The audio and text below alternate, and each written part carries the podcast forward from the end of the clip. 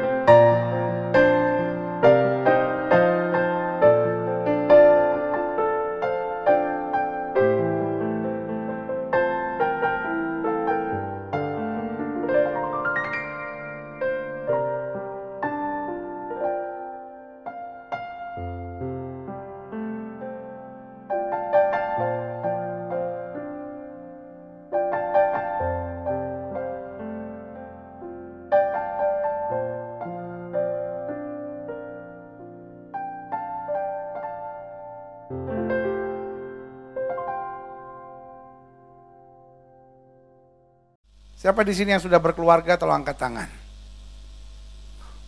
Siapa yang bagian dari keluarga tolong angkat tangan. Anak termasuk bagian dari keluarga kan? Siapa yang kira-kira tahun ini mau menikah tolong angkat tangan. Gak apa-apa, belum punya pasangan juga gak apa-apa. Yang penting kan sesuai dengan imanmu jadi padamu. Siapa yang seumur hidup gak mau menikah tolong angkat tangan.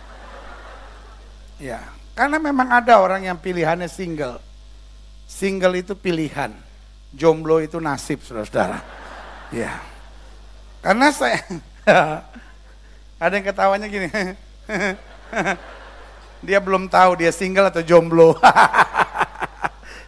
iya. Salah satu persoalan serius dalam keluarga yaitu salah ngerti. Sebetulnya nggak ada orang pengen menyakiti orang yang dia kasihi. Betul ya Pak ya? Nah ibu-ibu nggak usah ikut campur nih urusan laki-laki. Betul ya Pak ya? Betul. Bapak-bapak kalau betul cepat betul. Apaan yang betul? Nggak tahu, pokoknya betul aja ya. Bu, nggak ada orang yang ingin menyakiti orang yang kita kasihi, betul ya Bu ya?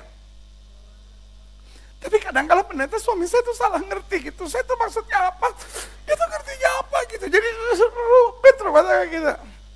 Banyak suami juga gitu, sebetulnya saya sih bukan ada persoalan ya pendeta, cuman bingung pendeta di rumah tangga kita udah nggak tahu pendeta udah salah ngerti terus jadi ya mungkin nggak ada lagi yang perlu dipertahankan di antara rumah tangga kita. Pahit saudara. Ya kan? Itu sama seperti orang Papua pergi ke tempat cuci motor. Jadi orang Papua lagi naik motor malam-malam jam 10. Dia lihat kok motornya kotor bener. Dia lihat ada tulisan situ.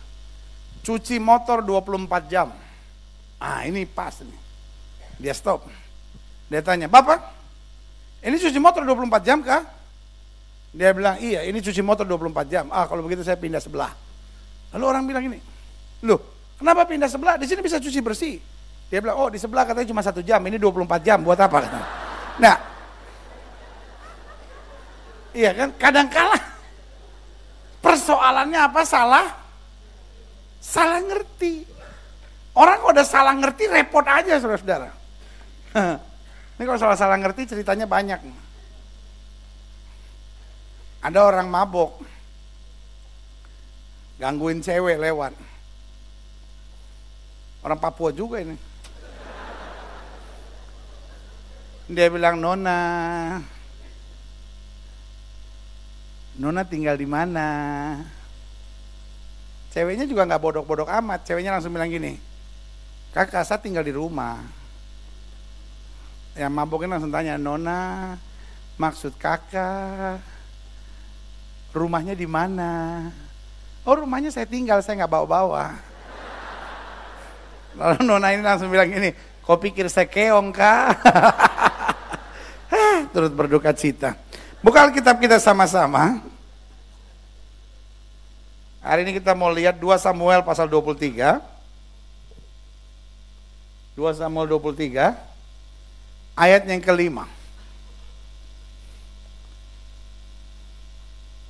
Salah satu persoalan serius orang modern adalah masalah rumah tangga. Karena selalu saya bilang, senjata setan di akhir zaman sedang diarahkan kepada keluarga. Kalau saudara tanya sama saya, setan hari-hari ini udah bosen ngurusin gereja. Makanya sekarang gereja di mana-mana bertumbuh kan? Betul? Iya kan? Sekarang gereja di mana aja rame. Jadi senjata setan di akhir zaman sedang diarahkan kepada apa? Keluarga. Kalau saudara tanya sama saya, kenapa setan serius dengan keluarga? Ada masa-masanya setan sangat serius dengan gereja. Di mana-mana gereja pecah, ribut. Bilang dong kalau mau foto saya.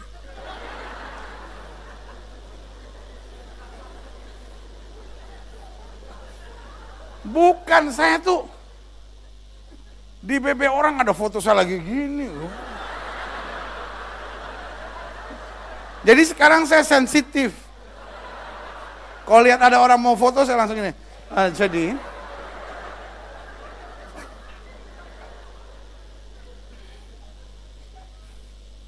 Iya. Ada masanya setan ngancurin gereja. Tapi lama-lama dia capek juga. Karena ternyata gereja makin banyak tantangan, justru makin dekat sama Tuhan. Yang setuju katakan amin. Tepuk sebelah saudara bilang kayak lu gitu.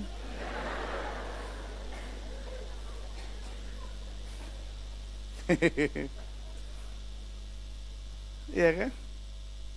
Kita juga gitu, makin banyak tantangan, makin dekat sama Tuhan. Jadi akhirnya senjata setan di akhir zaman beralih. Dia udah malas ngurusin gereja. Ya kan? Sekarang senjata setan di akhir zaman sedang diarahkan kepada apa? Keluarga. Kalau tanya sama saya, kenapa keluarga? Karena ketika keluarga hancur, generasi hancur. Betul? Ketika keluarga bermasalah, pelayan Tuhan nggak pernah bisa melayani dengan maksimal. Betul? Iya kan? Seorang boleh melayani sehebat apa pun, tapi kalau keluarganya terhantam badai, sulit. Iya kan? Kalau orang keluarganya bermasalah, kerja aja bete melulu. Iya kan? Kita di kantor, kalau kita kerja, kita bisa lihat betul siapa yang rumah tangganya bermasalah. Mukanya itu seperti kayak kebo baru digigit anjing gitu.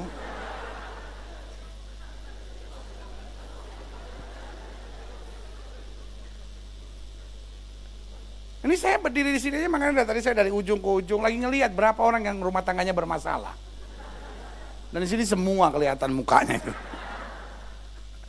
Ada yang langsung nunduk itu. Ya ketahuan gue.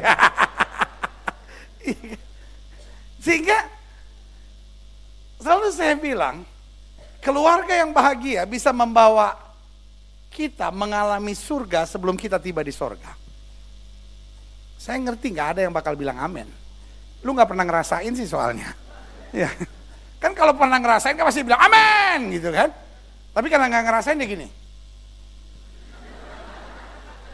Apa? Bisa ngerasain surga? Enggak tuh. Saya ulangi sekali lagi. Keluarga yang bahagia bisa membuat kita merasakan sorga sebelum tiba di sorga. Ya gue tahu tuh cuma nyenang-nyenangin gue aja. Susah ya gue dengerin khotbah Gilbert ya. Gue diem dikeledekin. Gue bilang diketawain. Terus dia maunya apa sih sebetulnya? Jangan emosi lu. Pendeta tuh kalau negur jemaat tuh karena sayang. Jemaat marah sama pendeta dosa lu.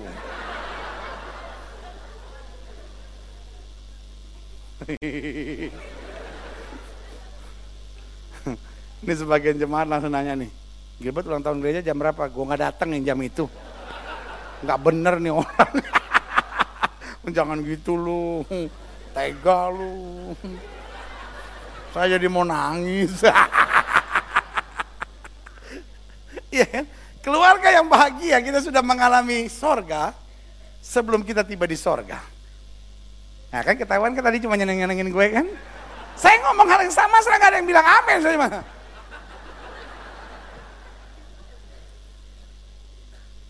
Keluarga yang bahagia membuat kita sudah mengalami sorga sebelum kita tiba di sorga.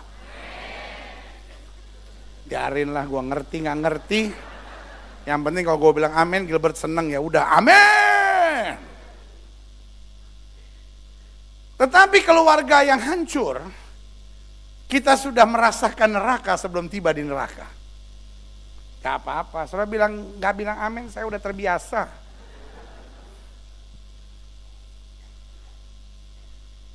Keluarga yang hancur membuat kita sudah merasakan neraka sebelum tiba di neraka.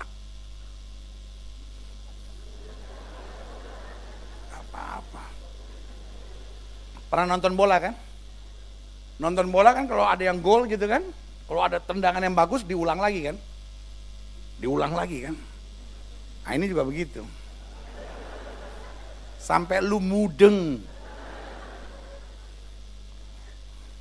Keluarga yang hancur membuat kita sudah merasakan neraka sebelum tiba di neraka. Kenapa bilang amin? Pengen masuk neraka. Ah, gilbert. Pengkhotbah yang paling gak jelas di muka bumi. Dosa lu ngomongin gue lu. Begini-gini kan biji matanya Allah. Saya lagi ngomong gitu dan bilang, nah biji matanya segede begitu. Apalagi mukanya.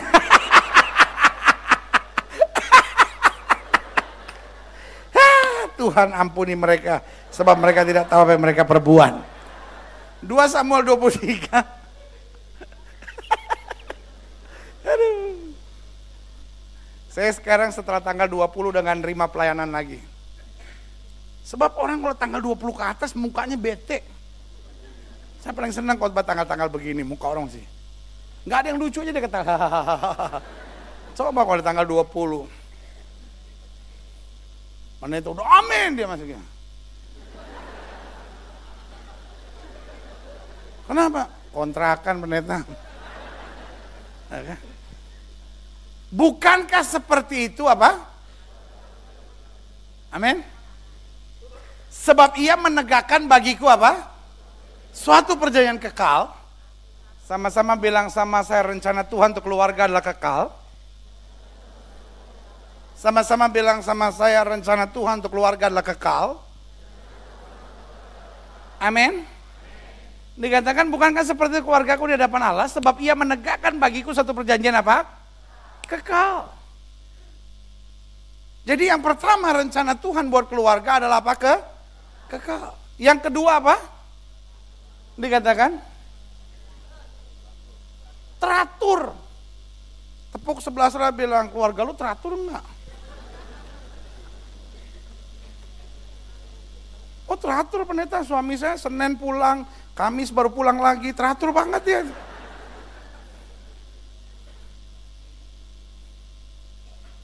Sama-sama bilang sama saya kekal. Yang kedua sama-sama bilang sama saya teratur. Bukankah seperti itu keluargaku di hadapan Allah? Sebab ia menegakkan bagiku satu perjanjian kekal teratur. Dalam apa? Teratur dalam segala-galanya. Dan Wih. Apa yang lo tepokin? Tadi saya ngomong keluarga yang bahagia kita sudah mengalami sorga sebelum tiba di sorga. Saya pikir sudah tepuk tangan. Sekarang, wih tepuk tangan. Ayah. Nggak tahu yang berkualitas. Sama-sama bilang sama saya kekal. Sama-sama bilang sama saya teratur. Dan yang ketiga kata Alkitab apa? Terjamin. Amin. Suami pulang ke rumah terjamin. Ada banyak suami nggak berani pulang ke rumah, terancam. Sebab kalau dia pulang istrinya mulai, dari mana? Kamu siapa aja, ngapain aja, apalagi yang dibicarakan. Untungnya mana?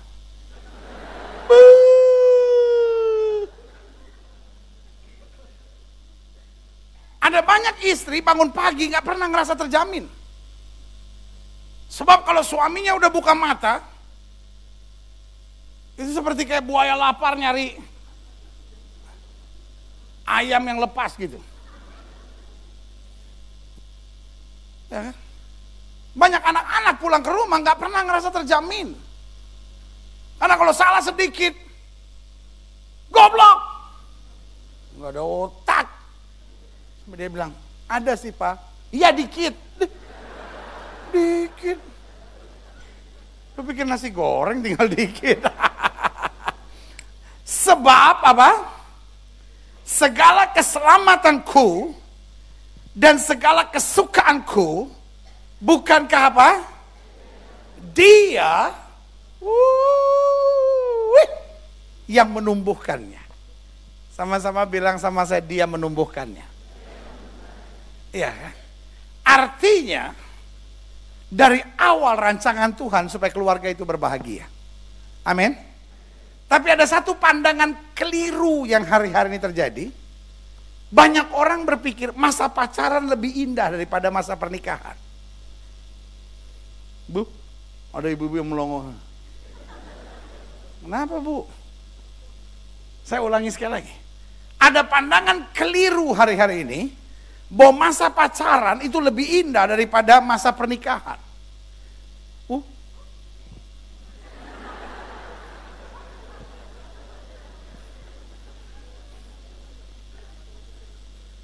Dan banyak orang ngerasa ya wajar pendeta, namanya juga masa pacaran. Masa pacaran pasti lebih indah daripada masa pernikahan. Saya mau bilang, can't be. Pakai logika apa pun gak masuk. Saya paling gak setuju kalau ada orang bilang masa pacaran lebih indah daripada masa pernikahan. Buat saya itu orang stres. Jangan kesaksian pribadi maksud saya. Kalau itu persoalan saudara, jangan anggap semua orang begitu. Karena pada awalnya justru rancangan Tuhan, masa pernikahan jauh lebih indah daripada masa pacaran. Udah yang pacaran gak usah amin-amin, lu juga masih belum ngerasain. Ya. Kau sudah tanya sama saya, logikanya nggak masuk loh. Masa pacaran banyak larangannya jam 12 malam, iya kan? Mesti pulang. Sebab kalau jam 2 pagi belum pulang-pulang, orang bingung nih pacaran apa jaga malam. Masa pacaran banyak gak bolehnya. Setelah duduk-duduk di Monas pacaran, jam setengah satu Satpol PP datang. Tapi kalau sudah udah kawin, sampai jam 3 pagi guling-gulingan di sana juga biarin aja. Satpol PP datang sudah tunjukin KTP, Satpol PP malu maaf Pak, maaf. Ya. Jadi sama sekali nggak masuk akal. Tetapi somehow the devil try to attack the family. Setan mulai coba serang keluarga karena ketika keluarga nggak bahagia, nggak ada kekuatan yang kita miliki. Yang setuju sama saya katakan amin. Nah, saya pelajari ada tiga sifat penting yang harus kita buang untuk mencapai keluarga yang bahagia. Nah, apa sifat yang harus kita buang? Yang pertama, klik. Aha, sifat kekanak-kanakan. Ada banyak rumah tangga, persoalannya sangat sederhana. Kekanak-kanakan, selalu saya bilang gini, tua itu pasti, dewasa itu pilihan. Tapi ada banyak orang umurnya tua tapi sifatnya kekanak-kanakan. Ya kan? Ketika saudara sudah punya istri masih tertarik sama perempuan lain, itu kan kekanak-kanakan pak. Ya kan? Setelah udah dibeliin PS2, tiba-tiba keluar PS3. Mak, mau yang itu.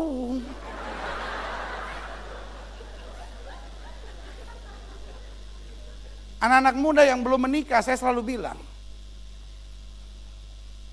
mencari pasangan teman hidup tidak sama seperti mencari gadget. Karena kalau sudah mau mencari selalu edisi terbaru, lu nggak kawin-kawin. Iya kan? Karena akan selalu keluar edisi terba terbaru. Ah cowok ini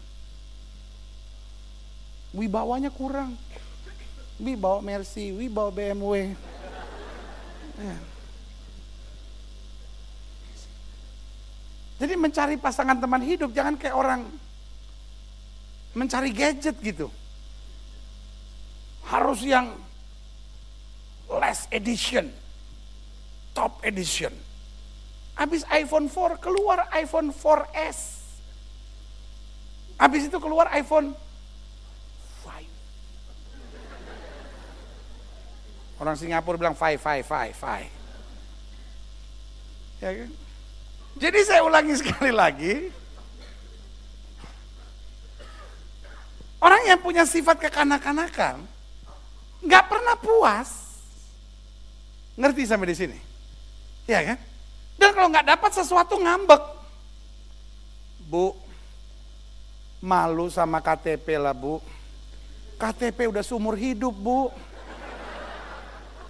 Ada masalah dalam rumah tangga ngambek. Makanya yang cewek-cewek nih sama yang cowok-cowok nih, lu kalau cari pasangan teman hidup, jangan soal cuman cantiknya aja. Uh cantik pendeta, waduh cantik banget pendeta. Waduh itu sampai lewat, itu tuh pendeta, Jalan Sudirman situ tuh. Bang Dirman lagi begini, langsung ganti. Sweet! Genit kali Bang Dirman itu. Saudara kalau cari cewek itu jangan soal cuma cantiknya. Lihat ini sifatnya kekanak-kanakan enggak? Terus kalau gitu boleh putus ya pendeta? Boleh ganti sama keluaran terbaru. Lo pikir Blackberry. Iya kan?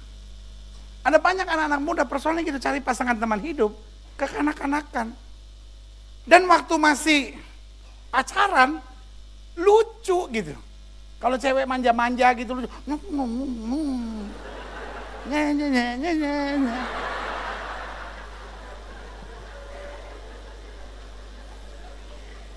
Memang banyak cewek kalau pas lagi pacaran, lihat cowoknya agak sedikit manja-manja gitu kan, ada kebanggaan sendiri gitu. Cowok gue tuh, kalau sama gue gimana gitu. Tapi pas udah kawin, apalagi udah punya anak empat, sifatnya masih kekanak-kanakan. Tobat, saudara. Makanya ada banyak suami istri kalau naikin doa, naikin doa Power Rangers. Tahu kan doa Power Rangers? Tuhan robah suami saya. Tuhan robah istri saya. Dia mau tengah malam tiba-tiba suara Tuhan. Saatnya berubah. Ngaco. Tapi saya mau bilang, siapa pun doa buat saudara, dari Renhat Bongke sampai Renhat si Tombing, sampai Renhat si Hombing doain saudara. Benar. Kalau saudara nggak dewasa-dewasa, rumah tangga nggak akan bahagia. Amin. Sifat pertama yang harus kita buang ke dewasa, ke kanak-kanakan.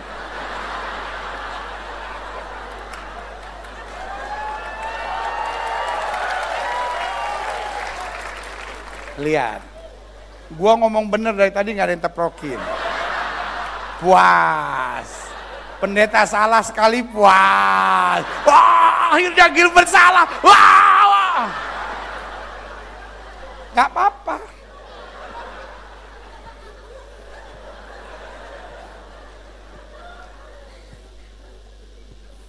Saya ingat lagunya Pak Yosia, Tuhan tampung air mataku. Barang siapa yang direndahkan, Tuhan akan meninggikannya.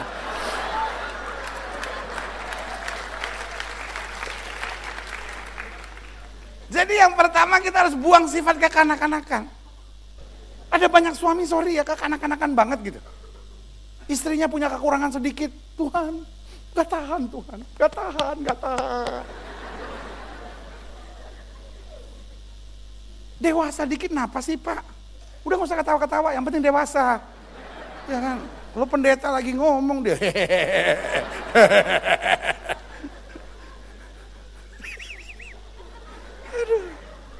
Semua ibu-ibu bilang sama saya, saya harus dewasa.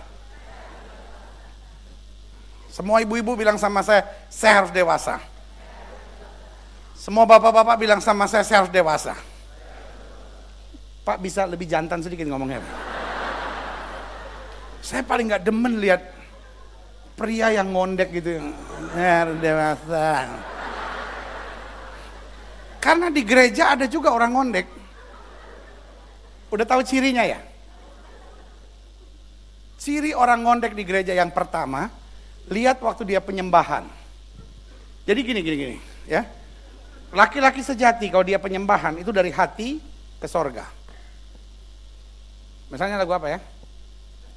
Engkaulah Tuhan lurus. Di saatku tak berdaya lurus. Tapi orang kalau ngondek dia putar dulu di saatku tak berdaya gitu. Jadi sekarang nanti kalau pas penyembahan atau minggu depan kalau datang itu selalu lihat kalau orang tuh sejati pasti gitu. Di saatku tak berdaya. Tapi kalau di saatku tak berdaya, ah, itu. pasti ngondek dia itu. Kelihatan walaupun gagah gitu ya kan. Tapi kelihatan waktu penyembahan di saatku. Nah, itu. Yang kedua, ada yang bawa Alkitab nggak? Pinjam Alkitab kan? Nanti saya kembaliin percaya saya. Ah, ayo, ayo. Enggak, lama. Pendeta kok nggak rohani begitu. Alkitab sekecil ini dibanding pendeta segede ini kayak nggak cocok aja. Tapi nggak apa-apa lah, cuma contoh.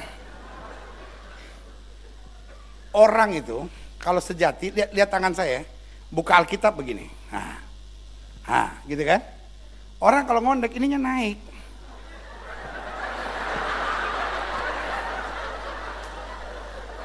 Jadi konfirmasi pertama waktu dia begini. Konfirmasi kedua lihat Alkitab. Nah, kalau dia gini, ah itu ngondek. Makasih ya Bu. Yang ketiga pendeta, lihat cara dia berdoa. Makasih ya Bu. Lihat yang ketiga lihat cara dia berdoa. Orang kalau sejati, doa biasa saja gitu. Biasa saja. Kalau dia ada yang seru dia gini. Nah kalau orang ngondek buka tutup.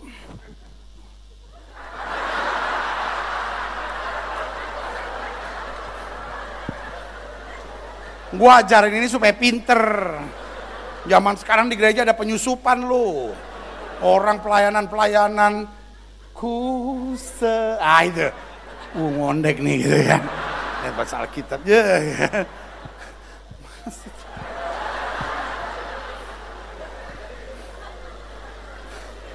Dan kalau masih tidak bisa kelihatan waktu dia hidup, kelihatan waktu dia mati. Pas di peti mati semua begini, dia begini.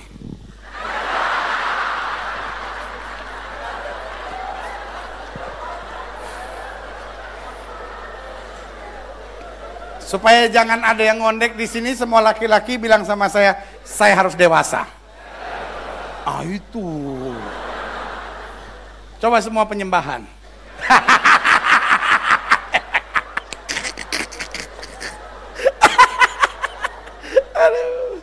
Aduh, ini jemaat lucu-lucu banget sih. Minggu depan saya aja deh yang khotbah lagi dah. Kayaknya jemaatnya lucu.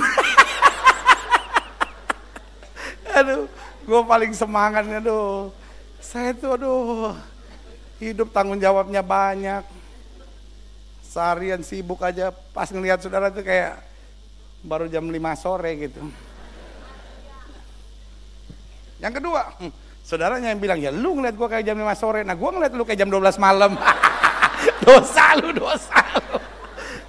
Yang kedua, ya kan, sifat yang harus dibuang untuk mencapai keluarga bahagia, sifat mau apa? Mau menang sendiri. Kalau udah salah, ngotot. Wah, ada istri langsung colek suami itu. Khotbah buat kamu. Iya. Makanya adik-adik muda yang ada di sini, meskipun saya lagi hot tentang keluarga yang bahagia, it is good for you too. Gitu. Kenapa? Karena gini, kadangkala saudara tuh waktu masa pacaran tuh nekat gitu. Yang penting gua dapat. Gunung pun kan ku seberangi, laut kan ku daki. Salah, woi.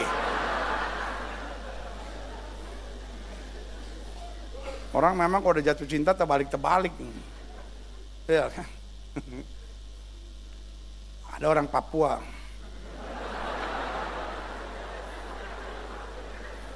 Sama orang Sanger. Dia mau jual itu kan? Mau jual Blackberry. Jadi orang Papua itu suka minum. Jadi mungkin dia lagi gak ada duit kan. Dia bilang, saya mau jual nih sapu Blackberry nih. Dia mau jual ke orang Sangir. Orang Sangir bilang, Ngana mau jual berapa? Dia bilang, ah saya jual murah-murah saja sudah. Berapa Ngana mau jual? Ah 900 saya sudah. Lalu Sangir bilang ini, ah terlalu mahal, saya ter ah, kita hanya ada uang. Ah, jadi kau mau beli berapa? Kalau ngana kasih 600 kita ambil. Oh, ini Blackberry nih. Mana kamu dapat BlackBerry 600? Akhirnya Sanger so pastiu kan. Sanger bilang 700. 700 nggak kasih kita ambil. Dia bilang, ah, kau mau tipu ini. Saya beli Blackberry ini bunyi jut ini. Jadi orang Papua kalau bilang berjuta-juta itu bilangnya gitu. Saya beli Blackberry ini bunyi jut ini. Uh, Sanger langsung kaget. Oh, bunyi jut. Ya udah saya beli setengah juta kalau begitu. Oh kalau setengah juta boleh katanya gitu. 600 nggak boleh, 700 nggak boleh. Setengah juta kan boleh, bunyi jut. ya, ya. Saya cuma mau bilang, saya mau punya pasangan seganteng apa pun, saya mau punya pasangan secantik apa pun, tapi kalau dasarnya mau menang sendiri, ujung-ujungnya selamat menderita deh. Bener. Ada saudara yang ngeliatin saya gini. Itu susahnya bergaul sama orang India. Orang India itu kalau ngomong yes, itu begini. Yes, yes, yes, yes, yes. No, no, no, no, no. Sampai saya bingung, ini yang saya mau ikutin kata-katanya atau tindakannya. Do you want to receive Christ as your own savior? Yes, yes, yes.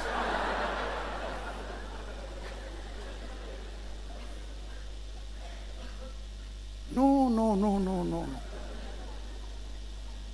So yes or no? Banyak rumah tangga persoalannya cuma sederhana. Bukan soal nggak cocok, bukan soal, aduh rumah tangga kita ada setan kali ada kutuk. No, no, no. I know. Ada rumah tangga yang diserang setan, I know. Ada rumah tangga yang diikat kutuk, I know. Tetapi persoalannya sebagian besar kenapa mau menang apa? Mau menang sendiri. Istilahnya setan gunung kawi, gunung kidul juga mau datang ke rumah tangga saudara. Tapi kalau suami istri terbiasa dewasa, terbiasa mengatasi masalah, uh, tidak mau menang sendiri, saling mau mengampuni, saling mau mengasihi, saling mau berpikir luas, saya percaya rumah tangga itu pasti diberkati. Yang setuju berikan tepuk tangan yang meriah buat Tuhan. Sama-sama bilang sama saya dewasa. Sama-sama bilang sama saya tidak mau menang sendiri. Amin. What is marriage? Apa itu pernikahan? Marriage is to make my partner happy. Pernikahan artinya membuat pasangan saya berbahagia. As simple as that. Setelah bangun pagi, setelah mikir apa yang saya bisa buat untuk membuat pasangan saya bahagia. Setelah lagi Aduh, sudah lihat suami sudah bete gitu. Sudah lihat istri saudara bete, nih, aduh suami saya kok marah-marah gitu. Do you think by that your problem is solved? Saya pikir dengan itu masalah sudah selesai? No way. Ngerti sampai di sini? Iya kan? Kadang-kadang kan as simple as that. Kadang-kadang kita cuma mau menang sendiri, pada sederhana aja. Mas, suami saya lagi bete seharian. Apa yang saya bisa buat untuk membahagiakan dia? Amin. Ini amin yang paling berat untuk diucapkan. Suami juga sama. Kok istri saya hari-hari ini lagi marah-marah ya pendeta? Apa yang saya bisa buat untuk membahagiakan dia? Ketika setiap orang pandangannya cuma as simple as that. Saya percaya rumah tangga itu pasti akan bahagia. Amin. Ketika saya lagi banyak duit, saya pikirkan sederhana. Apa yang saya bisa buat untuk suami saya bahagia? Ketika saudara lagi punya banyak waktu, saudara pikir apa yang saya bisa buat untuk membuat istri saya bahagia. Ketika saudara nggak ada duit, aduh gue lagi nggak ada duit, apa yang saya bisa buat untuk membahagiakan pasangan saya. Yang paling repot adalah udah nggak ada duit berkelahi. Banyak duit aja berkelahi nggak enak. Makanya kalau nggak ada duit berkelahi bilang begini, tunggu nanti ya kalau ada duit baru berkelahi. Sama-sama bilang sama saya, saya harus membahagiakan pasangan saya. Yang ketiga yang terakhir. Ya kan? Apa sifat yang harus dibuang untuk mencapai keluarga bahagia? Sifat selalu menuntut. Kamu harus begini dong, kamu harus begini dong, kamu harus begini, kamu harus begini. Selama masih ada tuntutan, selalu akan ada kekece, kekecewaan. Tapi di mana ada penerimaan, penghargaan, pengabdian, dan pengertian, maka yang ada rumah tangga itu kekuatan dan kemenangan. Amin. Jadi kalau hari ini saya mau simpulkan, ada tiga sifat penting yang bisa membuat keluarga kita berbahagia. Yang pertama apa tadi? Sama-sama bilang sama saya dewasa. Sama-sama bilang sama saya tidak mau menang sendiri. Sama-sama bilang sama saya penghargaan, pengabdian, dan pengertian. Amin. Saya boleh simpulkan dulu sebentar ya. Waktu saya sebetulnya udah habis nih. Tapi nggak apa-apa mumpung saya sekali-sekali khotbah di sini. Ya kan? Ini singkat saya jelasin buat saudara. Ada lima hal yang harus diperhatikan untuk membangun keluarga bahagia. Satu, ingat aksi selalu menimbulkan reaksi. Saudara keras, saudara akan mendapat reaksi. Saudara membenci, saudara akan reaksi. Saudara menuntut, saudara akan dapat reaksi. Alkitab bilang apa yang kamu tabur itu yang akan kamu tuai. Yang kedua, apa hal yang harus diperhatikan untuk membangun keluarga bahagia? Klik. Ingat cinta bukan hanya mengerjakan yang biasa bagi saya, namun yang diperlukan bagi pasangan kita. Kita kan kadang-kala gini, ya saya memang orangnya begini mau diapain? Saya laki-laki memang kaku pendeta. Saya nggak bisa tuh elus-elus apa itu namanya uh, rambut istri saya terus bilang uh, sayang I love you. Saya nggak biasa gitu pendeta. Saya terbiasa, eh saya sayang sama kamu ya udah ya ngerti aja gitu. Ya. Loh, cinta bukan hanya mengerjakan yang biasa saya lakukan, tetapi apa yang diper, diperlukan. Kalau saya bilang surat cinta golf misalnya, ya kan? Walaupun saya nggak biasa bangun pagi, tapi karena surat cinta golf, saya akan bangun lebih pagi. Betul? Iya kan? Kalau surat cinta golf, meskipun surat orangnya nggak biasa uh, apa tuh belanja yang mahal-mahal misalnya. Tapi ketika sudah cinta golf, barang itu mahal, ya sudah beli gitu. Iya kan? Kadangkala laki-laki merasa, lu saya memang orangnya nggak biasa gitu kok. Cinta bukan hanya mengerjakan yang biasa, tetapi mengerjakan yang apa? Diperlukan. Ketika pasangan kita memerlukan itu bu, jangan bilang, lu saya memang orangnya begitu pendeta. Saya orangnya memang nggak biasa perhatiin. Ya kan? Saya bukan sekretaris di kantor. Sekretaris di kantor boleh perhatiin, sorry ya. Nah, sekretaris di kantor. Suami sampai ditanya, mau minum teh apa kopi pak? Kopi. Kopi tubruk apa kopi susu? Kopi susu. Susu kental apa susu biasa? Susu kental. Manis atau biasa? Iya pakai gula manis. Dua sendok apa satu sendok pak? Satu sendok. Uh, itu munjung atau rata pak? Uh, rata. Sendok teh atau sendok makan pak? uh, sendok makan. Makan siang atau makan malam, Pak?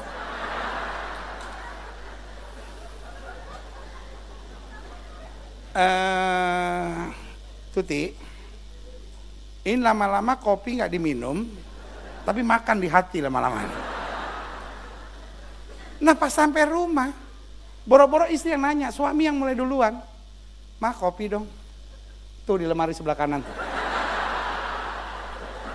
Kanan gula, bawahnya air panas. Lu belum lumpuh kan? Bisa bikin sendiri.